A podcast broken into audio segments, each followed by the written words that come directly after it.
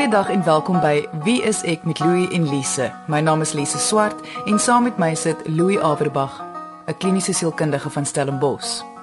Ons almal weet dat eendag gaan ons doodgaan. Dit is een van die min definitiewe feite van die lewe. Jy word gebore en eendag gaan jy sterf. Oor die algemeen weet meeste van ons nie wanneer dit gaan gebeur of hoe dit gaan gebeur nie. Maar wat as jy gediagnoseer word met 'n terminale siekte? Hoe kan jy positief bly en seker maak jou gemoed kry nie die oorhand nie, veral as jy nog net 21 jaar oud is? Dit is die vraag wat ek aan ons gas vandag gestel het.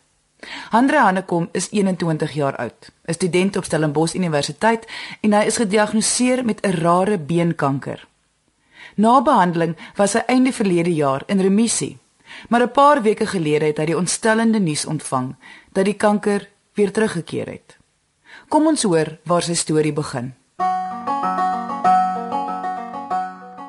Die eerste keer wat ek gehoor het was September 2012 wat ek het Junie maand pyn in my been begin kry en het aangegaan aan 'n oefen in my linkerknie het dit net begin pyn, maar ek het gedink dis 'n spier wat ek seer gemaak het omdat ek baie geoefen het.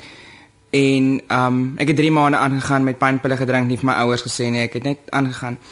En toe die pyn al erger geraak het, ek later my gewig op my been kon sit nie. En hy begin swel. En of ek het gedink hy swel, maar hy was besig om groter te raak die been. Op daardie stadium was ek 20 jaar oud gewees Ek het vir scans gegaan en hulle het my gediagnoseer met 'n baie skaars beenkanker met die naam osteosarkoma. En ek het dadelik begin met die, die ek het die Dinsdag gehoor, Woensdag die dokters gesien, Donderdag my eerste operasie gehad en die volgende Dinsdag het ek gesit vir my eerste chemo. Ek het twee sessies chemo gekry en daarna het ek 'n swam opgetel wat elke dag in die lug is, maar met my immuunstelsel wat niks was nie het ek eh, het dit oorgeneem my liggaam oorgeneem. Ek was onder isolasie geplaas. Hulle het behoorlik antibiotika en goed ingesit en niks het gewerk nie. Hulle het later nie meer regtig hoop gehad vir my nie. Dit was op 'n punt waar my suster gesê het sy gaan terugkom na 'n kus toe. En um die maandag aand het ek oorgegee. Ek het besluit my ek is nie meer lus vir beklei nie. Ek is regtig klaar. Ek het gebid en gesê ek is klaar. Hy kan my maar kwaal. Ek is klaar met alles. En die dinsdagoggend het my bloedtelling van 0.1 na 50 geskuif en die woensdagmiddag het ek uit die hospitaal gestap en my eie tas gedra. So het, en ek kon niks myself meer doen op die stadium in daai tyd want my ek het nie meer 'n liggaam gehad nie. En toe ek weer chemo gekry, derde chemo en 'n vierde chemo en toe ek 'n uh, baie groot baie skaars beenoperasie gehad waar hulle my knie, jaars of my femur en jaars of my tibia verwyder het en vervang het met titanium. En ek het daarna weer twee chemos gekry en toe het hulle agtergekom my kanker is nie genoeg dood nie en hulle het my gesit op 30 dae bestraling. Van September 20 tot vir my die tydperk was van September 2012 tot en met Junie 2013 en toe was ek in remissie daarna September gehoor ek in remissie toe was ek by twee scans gewees waar ek in remissie was elke keer Januarie van 2014 het ek uh, gegaan vir my volgende ondersoek en hulle het agtergekom daar's 'n kolletjie op my long, my linker long. Hulle het gesê ek hoef nie chemo te kry of bestraling nie, hulle gaan dit net verwyder. Twee weke later het hulle dit verwyder.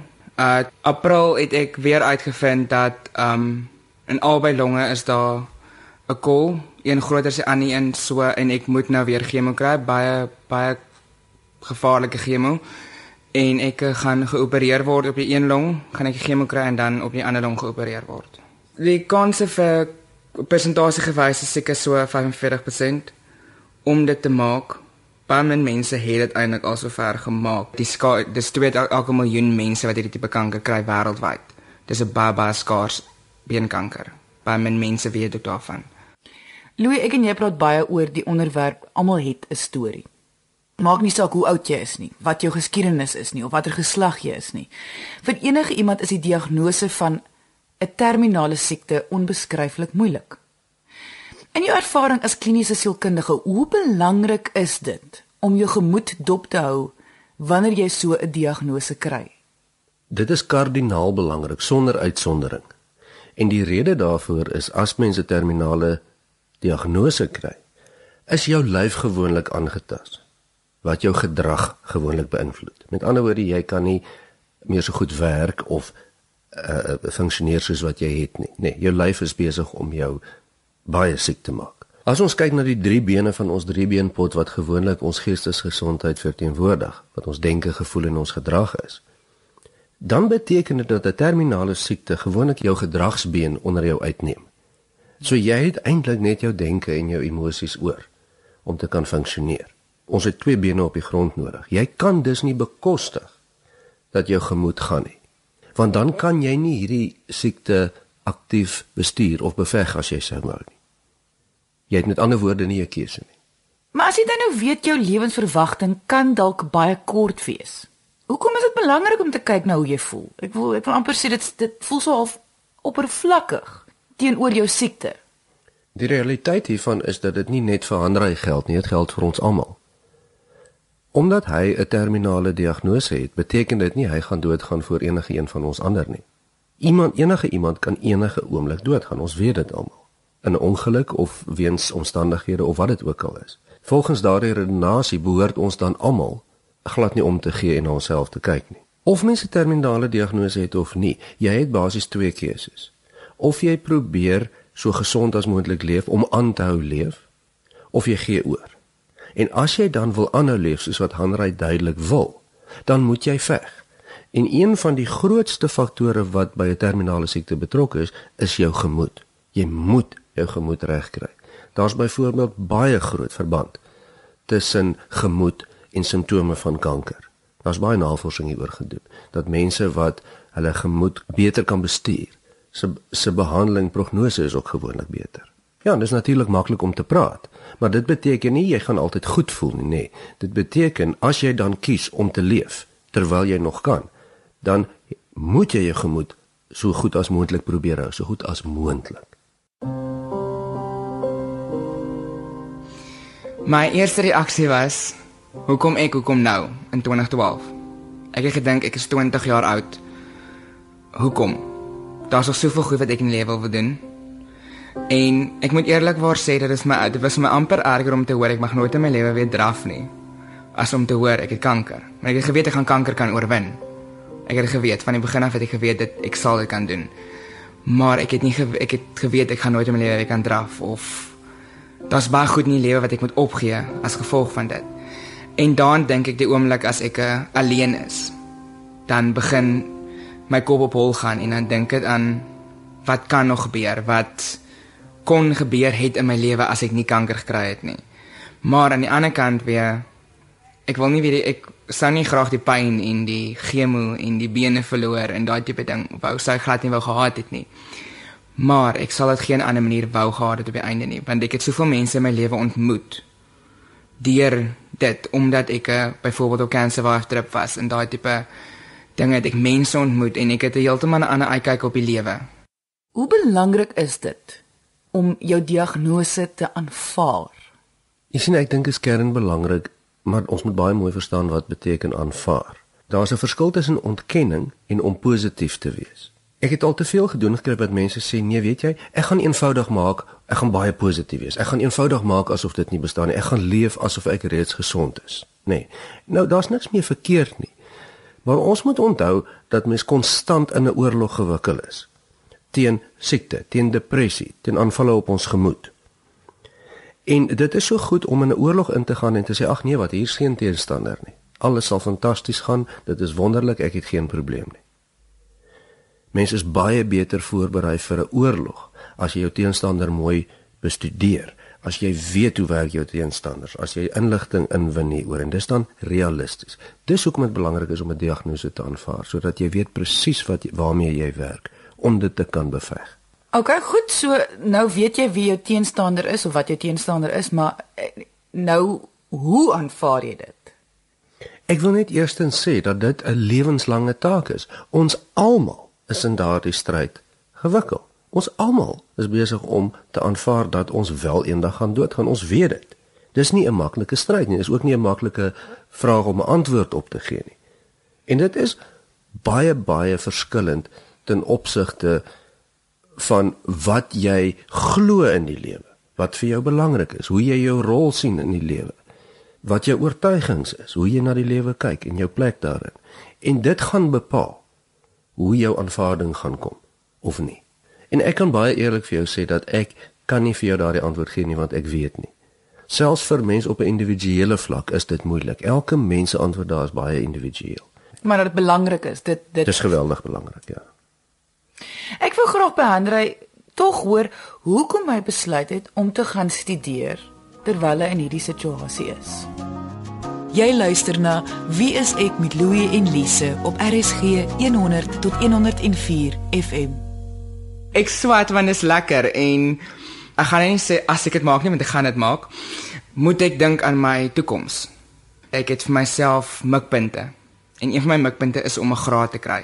Baie mense het vir my gesê maar jy's al die 30 derde keer gediagnoseer in 2 jaar.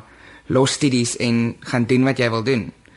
Maar ja, dit is dis maklik om te sê en eintlik het dit my baie gehelp ook want dit het my brein besig gehou so ek het minder gedink aan die hele kankersituasie. Ek was besig om verby dit te kom. Vir my is 'n bucket list baie belangrik want jy moet in jou lewe droom en jy moet mikpunte hê. Want waartoe werk jy? Die dag as jy nie meer mikpunte en drome het nie, hoekom lewe jy nog? Want jy lewe om iewers uit te kom. Jy moet nie net lewe om te bestaan nie. Dis vir my baie belangrik, daar's want dit help my om te veg. Ek wil nog nie jou toe gaan, ek wil nog skydive. Die goed wat ek nog wil doen en die oomblik as ek dit daai kry van ek het nie meer krag nie, ek wil nie meer verder nie. Dan begin ek aan my bucket list dink. Dan begin ek dink, "Maar Andra, jy's 21, jy wil nog al daai goed doen." En dan help dit my om weer krag te kry om nog 'n dag verder te veg. Al is dit net vir 'n dag. Mens weet nooit wat môre kan inhou nie, maar net daai dag wat ek langer veg, net om my droom daar te hou. Dit dink my kan dit nog doen.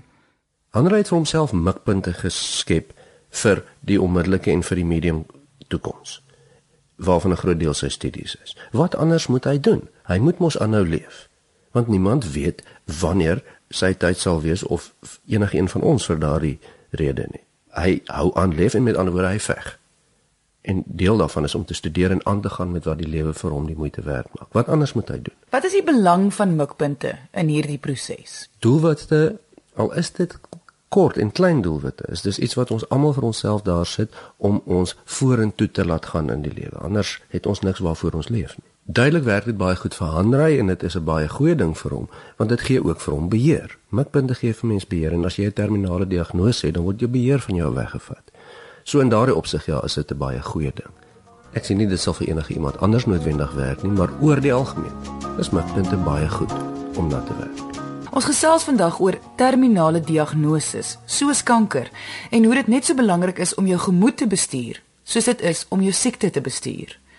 Ons gas vandag is Andre Hanekom. Hy is 21 jaar oud en is gediagnoseer met 'n rare, lewensgevaarlike beenkanker. Alhoewel hy teen einde verlede jaar in remissie was, het sy dokters 'n paar weke gelede gesien dit het weer teruggekeer. Ek wil by Andre hoor of hy soms kwaad word vir sy situasie. Ek sal nie sê ek is kwaad nie. Ek dink nie kwaad is die regte woord nie. Um ja, ek soos ek gesê het, ek dink baie keer ook hoekom hoekom rarig nou ek. Daar is soveel mense, byvoorbeeld ek het nog nooit in my lewe gerook nie. Ek drink nie rarig nie. Ek jaag nie rond nie. Ek het nog nooit in my lewe enigstens dwelms gebruik nie. Ek het 'n gesonde leefstyl van skool af. Ek kan enige iemand vra wat my ken.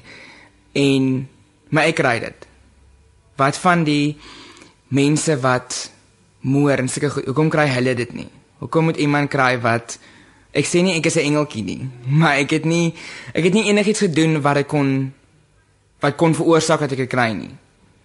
So hoekom hoekom moet ek dit kry?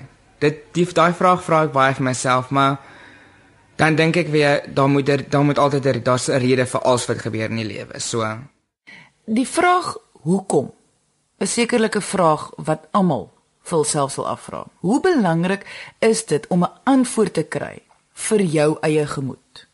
Weet jy, ek dink nie daar is een persoon wat hierdie vraag nie vir hom of haarself sal afvra nie. Hoekom? Hoe werk dit? Waarom ek?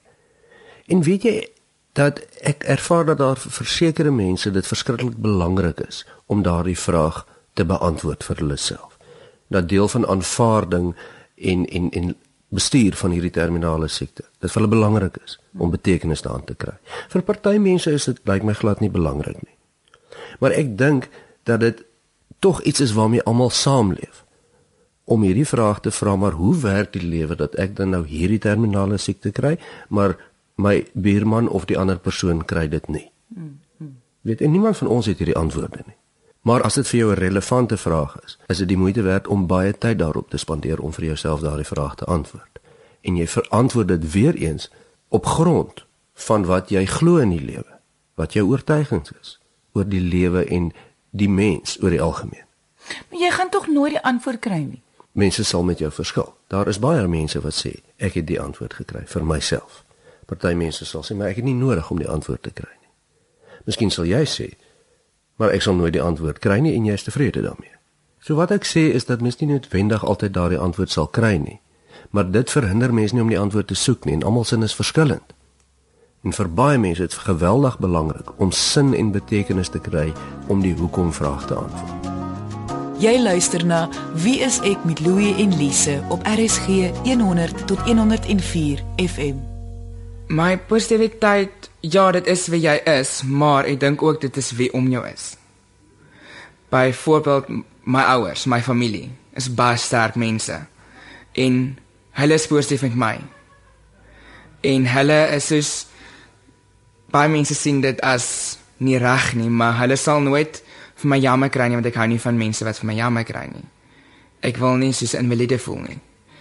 Daar word nie gesê as jy dit kan doen, jy gaan dit doen.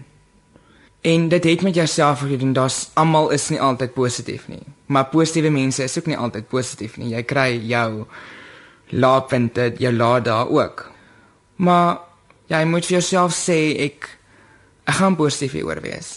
En my punt is dit altyd iemand sal my gesels en dan sê hulle hulle probleme vir my sê en dan vind hulle uit ek het byvoorbeeld nou kanker. Dan sê hulle vir my ek het nou geklaar by jou en kyk hoe lyk like, kyk kyk wat is jou probleem dan sê ek maar op die oomblik is daai die grootste berg vir jou. Of jy verkoue het en ek kanker. Jy ver, vergelyk nie twee nie want jy is jou persoon en op die oomblik is daai jou jou stryd wat jy loop. En dit is jou pad, dis jou berg. My berg is wel kanker en jou 'n verkoue of dat jy nie 'n kar kan koop nie of wat ook al, maar dit is op die oomblik vir jou die grootste probleem. En mens moenie vergelyk nie want mense verskil en jou situasies verskil wyse woorde van 'n 21-jarige, nê, nee, en ek dink ook dat mens sal die vraag wil vra as mens van betekenis wil praat. Sou Hanrey hierdie insig gehad het as hy nie die terminale diagnose gehad het nie?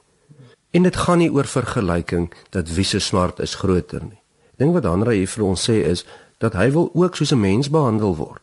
Sy probleme wil hy nie hê moet groter wees as ander mense se nie. En dan die versigtiging om nie iemand se menswees weg te neem van hulle af en hulle in watte toe te draai omdat hulle 'n terminale siekte het nie. Dit bring my by die volgende punt en dit is ondersteuning. Wat sou jy sê tel is goeie ondersteuning in hierdie situasie? Die goeie ondersteuning gaan inkom om saam met die persoon te veg. Onthou dit is 'n stryd hierdie. En dit beteken nie teen die dood te veg nie. Niemand van ons kan teen die dood te veg nie, maar om saam te veg teen die simptome van hierdie siekte. Wat kan ons doen sodat jou simptome nie erger word nie? Hoe kan ons die lewe vir jou gemakliker maak? En dan ook soms om oor die realiteit van die dood te gesels. Mense praat mos nie daaroor nie. En baie kere het mense wat met 'n terminale siekte gediagnoseer is, die behoefte om te gesels oor die dood. Nie noodwendig omdat hulle binnekort gaan doodgaan nie, maar hulle is bewus hiervan. Hulle wil graag met hulle geliefdes hulle wense dalk deel ondersteuning sal dan ook wees om dit nie te ignoreer nie. Maar die kern hiervan sal wees is die ondersteuning is wat vir die persoon ondersteuning sal wees. So jy vra vir die persoon. Wil jy nou 'n bietjie alleen wees of wil jy net by jou sit? So dit kom terug eintlik op kommunikasie. Ja. En nie om die wit olifant te ignoreer nie. Ander diagnose het tog 'n effek op die mense om hom, sy familie en sy vriende. Wat mense baie keer sien is hoe die geliefdes te skuldig voel om enigsins aandag aan hulself en hul eie gemoed te gee. Want die persoon met die diagnose is tog die persoon wat nou deur die ergste situasie gaan. En dit sal tog eintlik maar net selfsugtig wees as ek nou ook aan myself moet dink. Ja, en mens kan dit verstaan. Ons moet onthou dat in meeste gevalle mense met 'n terminale siekte Sy denke is nie noodwendig aangetast nie. En hulle wil ook graag hê dat dit met hulle huismense of familie of vriende moet goed gaan. Selfs as hulle nie meer daar is nie. So dit is gewoonlik belangrik byvoorbeeld in die geval van Andre dat hy kan sien dat dit ook dat sy familie en vriende ook na hulle self kan kyk in hierdie moeilike tye. Ja, en moet ook nie vir 'n oomblik dink dat jy as familielid of vriend of gesinslid nie geaffekteer gaan word deur hierdie diagnose van die persoon vir wie jy omgee nie. En die persoon weet dit mos, dit help nie ons ontken dit nie. En in elk geval as jy daar nie self sterk bly nie, hoe gaan jy dan die persoon kan ondersteun? Wel, om as ek gaan hoor dat ek nie dat hulle nie meer hoop het vir my nie. Dit gaan erg wees, want as baie goed wat mense nog wil doen, maar ek dink op daai punt moet jy besef, dis die tyd wat jy oor het. Kry jy goed agter mekaar vir die ergste, maak vrede daarmee. Want ek kan nou eerlikwaar sê en ek klink ek gaan nou gaan nou dalk 'n bietjie depressief klink, maar as dit so moet wees, ek is gereed daarvoor. Ek is eerlikwaar gereed daarvoor. Daar's baie wat ek nog wil doen en ek wil nie gaan nie. Maar as ek moet gaan, dan was dit my tyd. En dan sal ek net voluit lewe tot die dag wat ek nie meer is nie en ek sal gaan ek ek sal terugkom stel en word ek sal kom verder studeer. Maar ek gaan nie in die hoekie sit en myself jammer kry nie. Moenie moenie mik vir daai tyd nie. Doen wat jy gewoonlik wou gedoen het. Probeer soveel as moontlik lewe. Daar's 'n sê ding wat in Engels is nou put life into your days not days into your life en daarin glo ek vas. Dis 'n bordjie wat heeldag in ons huis hang. Nou, nie almal kry dit reg om suksesvol hulle gemoed te bestuur nie, oor die algemeen. So mense kan regtig nie verwag dat enige partye dit outomaties gaan regkry in hierdie situasie nie. Of jy nou die individu met die diagnose is en of jy nou die geliefde is wat die persoon met die diagnose moet bystaan. Watse plan sou jy voorstel vir alle partye betrokke? Ek dink mens moet alles op die tafel sit. Almal wat betrokke is en sê sê hier is ons nou, hier is ons 'n probleem. Niemand van ons is opgewasse om sommer hierdie ding net te kan hanteer nie. En saam planne maak. Maar die belangrikste ding hier gaan wees om dit openlik te bespreek. Wat ons in gedagte hier moet hou dat hierdie ongelooflike moeilike en delikate situasie is en veral emosionele situasie vir almal betrokke. Mense gaan nie hierdie ding met 'n 10 uit 10 punte 'n dag elke dag fantasties kan hanteer nie. 'n Terminale siekte is iets wat mense gemoed geweldig kan affekteer as jy nie pas op nie. En dit affekteer mens die die mense om jou, jou geliefdes rondom jou, net so erg. En wat ons sê ter ondersteuning is om openlik oor hierdie diagnose te praat, oor die verwagtinge te praat van die persoon wat met die diagnose sit. Hoe kan julle my help? Wat verwag ek van julle? Wat vra ek van julle? maar ook die mense wat ondersteun. Die probleem met 'n terminale siekte is dat mense dit nie beheer daaroor nie. Jy kan niks daaraan doen nie en daarom is beheer so ontsettend belangrik in die hantering hiervan om te kyk in hoe mate mens jou gemoed kan sterk hou soos wat jy kan en hoe mate jy kan beheer oor jou mikpunte en jou doelwitte en hoe mate jy kan beheer hou oor hoe jy ondersteun en hoe mense rondom jou jou ondersteun. Dis 'n aktiewe proses. En ons sê dis 'n geveg, dis soos 'n oorlog. En hoe meer inligting mens het, hoe meer mense hier rondom het wat goed is hiermee wat jou kan ondersteun, hoe makliker gaan dit. Toe ons die onderhoud met Hanrey gedoen het, was dit 'n paar dae voor hy weer geopereer moes word. Die operasie het goed gegaan. Daar lê nou nog intense chemoterapie vir hom voor en ons wil hom net alle sterkte toewens. Dankie dat hy sy storie met ons gedeel het en hy is elke dag in ons gedagtes. Indien jy enige vrae het oor enige onderwerp, mag jy ons kontak deur ons webwerf wieisek.co.za of deur ons Facebookblad onder Wie is ek met Louie en Lise. Dankie dat jy vandag ingeskakel het. Onthou, jy kan enige van ons vorige episode as 'n pot gooi op RSG se webwerf gaan luister. rsg.co.za. Ons maak weer so volgende Vrydag net na 12. Jy moet 'n heerlike naweek hê en onthou, kyk mooi na jouself.